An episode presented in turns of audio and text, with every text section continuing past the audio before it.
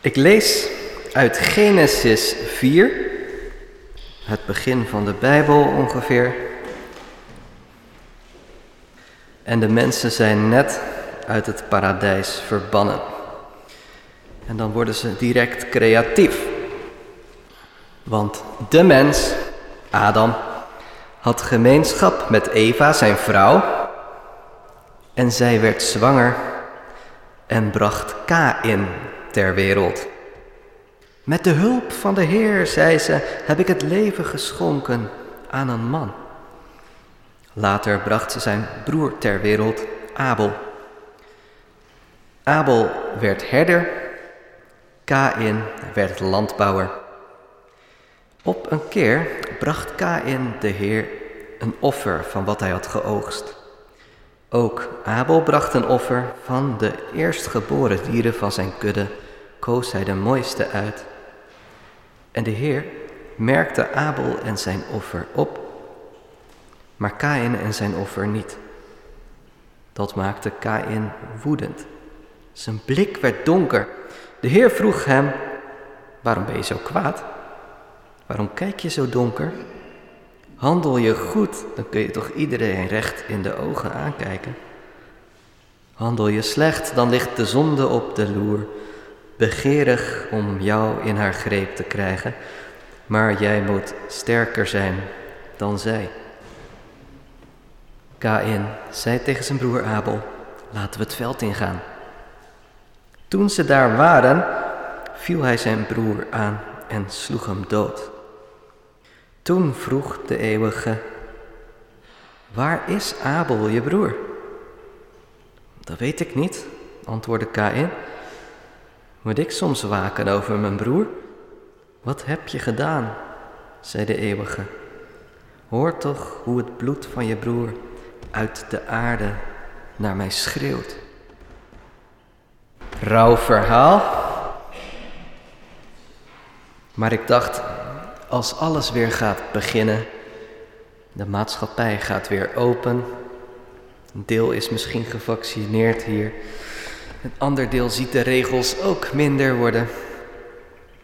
En ik heb gehoord en gelezen dat we de laatste anderhalf jaar onze stranger skills kwijt zijn geraakt. Stranger skills, dat zijn je vaardigheden om zomaar door Amsterdam te lopen en iemand tegen te komen en daarmee om te gaan. We zijn het een beetje ontwend om spontaan medemens te zijn. Dus ik dacht, laten we naar het begin van de Bijbel gaan. Naar misschien niet de eerste mensen, maar wel de eerste mensenkinderen. De Bijbel is in het begin heel schematisch. Vaak werkt de Bijbel met twee wegen die je kan gaan, twee soorten mensen die je kunt zijn. En daarom krijgen we de eerste broers, Kain en Abel, voorgeschoten. Je moet niet vergeten, de mens is net het paradijs uitgegooid. We moeten onszelf zien te redden. Dat is nog steeds zo natuurlijk. Eh, en wat we dan maar gaan doen is creatief worden. We brengen iets voort. En Adam en Eva brengen een mens voort. Moet je je voorstellen, ben je het paradijs uitgegooid, blijkt dat jij ook kunt scheppen. Jij kunt ook mensen maken, net als God. Dus Eva roept uit, met de hulp van de Heer, andere vertaling, bij God. Ik heb een man gemaakt. Kijk eens wat ik heb gedaan. En daarom noemt ze haar kind Kain. Dat komt van het Hebreeuwse woord voor fixen, verwerven, voor jezelf regelen. En dat is de identiteit die Kain meekrijgt. De trotse mens, iemand die zichzelf wel kan redden, ook al is de wereld geen paradijs. En dan vermeldt de Bijbel ook nog maar even dat hij een broertje heeft. Misschien wel een tweelingbroer. Ze ging door met paren, zegt de Bijbel. En dan komt die andere eruit, de jongste, Abel. Abel betekent ademtochtje, zuchtje wind. Eigenlijk is Abel iemand die je al bent vergeten voordat je hem gedag hebt gezegd. onopvallende nummer 2. Kain, sterke mens. Abel, het nakomertje. En Kain wordt dan ook landbouwer, het verder geëvolueerde beroep van de mensheid. Gaat de aarde bewerken, gaat fixen dat er vruchten uitkomen. En Abel wordt herder. Zorgt voor zijn dieren, kent zijn schapen bij naam en trekt rond. En het verschil tussen deze broers zie je als je kijkt naar het nageslacht van Kain. Kains nakomelingen hebben alles uitgevonden wat we kennen.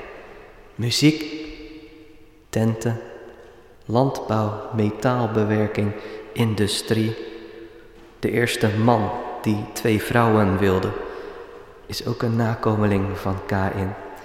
Van kunst tot geweld en alles ertussenin. De hele beschaving rust op Kain. Dat is de succesmens. En van Abel wordt niks gezegd. Abel zelf zegt ook geen woord in de Bijbel. Het overkomt hem allemaal een beetje. En je krijgt het gevoel dat Kain alle talenten heeft en Abel heeft maar één talent. En dat is godsdienst. Abel ademtochtje. Je ziet zijn wolkje adem zo de hemel instijgen. En in die hemel blijkt een God te wonen. Die ziet waar dat ademwolkje vandaan komt. Van een onopvallend, kwetsbaar mensje. Abel heeft één talent, contact met God. Kain heeft al het andere. En op zich is dat prima. Ware het niet zo dat succes zo verslavend is, dat als Kain ziet dat hij één ding niet heeft wat Abel wel heeft, dat hij dat niet kan laten bestaan. Zo eindigt dat in geweld. Dit zou het geschiedenisboek zijn geworden.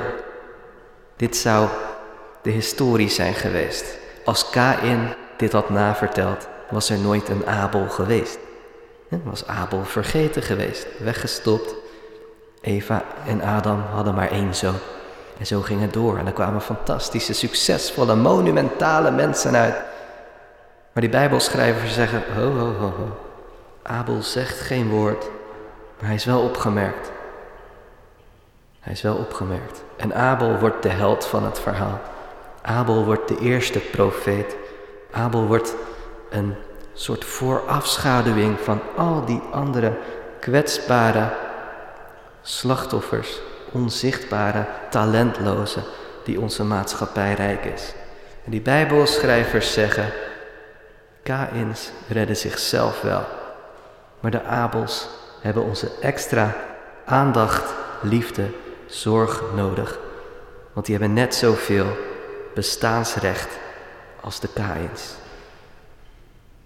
En in, ja, ik vertel het in een wereldstad van een succesmaatschappij, waar alles wat je presteert bepaalt wat je waard bent. En de boodschap in dit verhaal is, Abel presteert niets en krijgt de volle aandacht van God. En Kain, die had wat beter op zijn broertje moeten letten. Ik stuur jullie daarmee verder deze middag in. Deze boodschap. Als je een Abel bent, Weet dat je er mag zijn. Weet dat je er moest zijn. Weet dat je bestaansrecht hebt en opgemerkt wordt en mag worden. En als je een K in bent, iemand die het allemaal wel fixt, fix ook eens wat voor de Abels. Amen.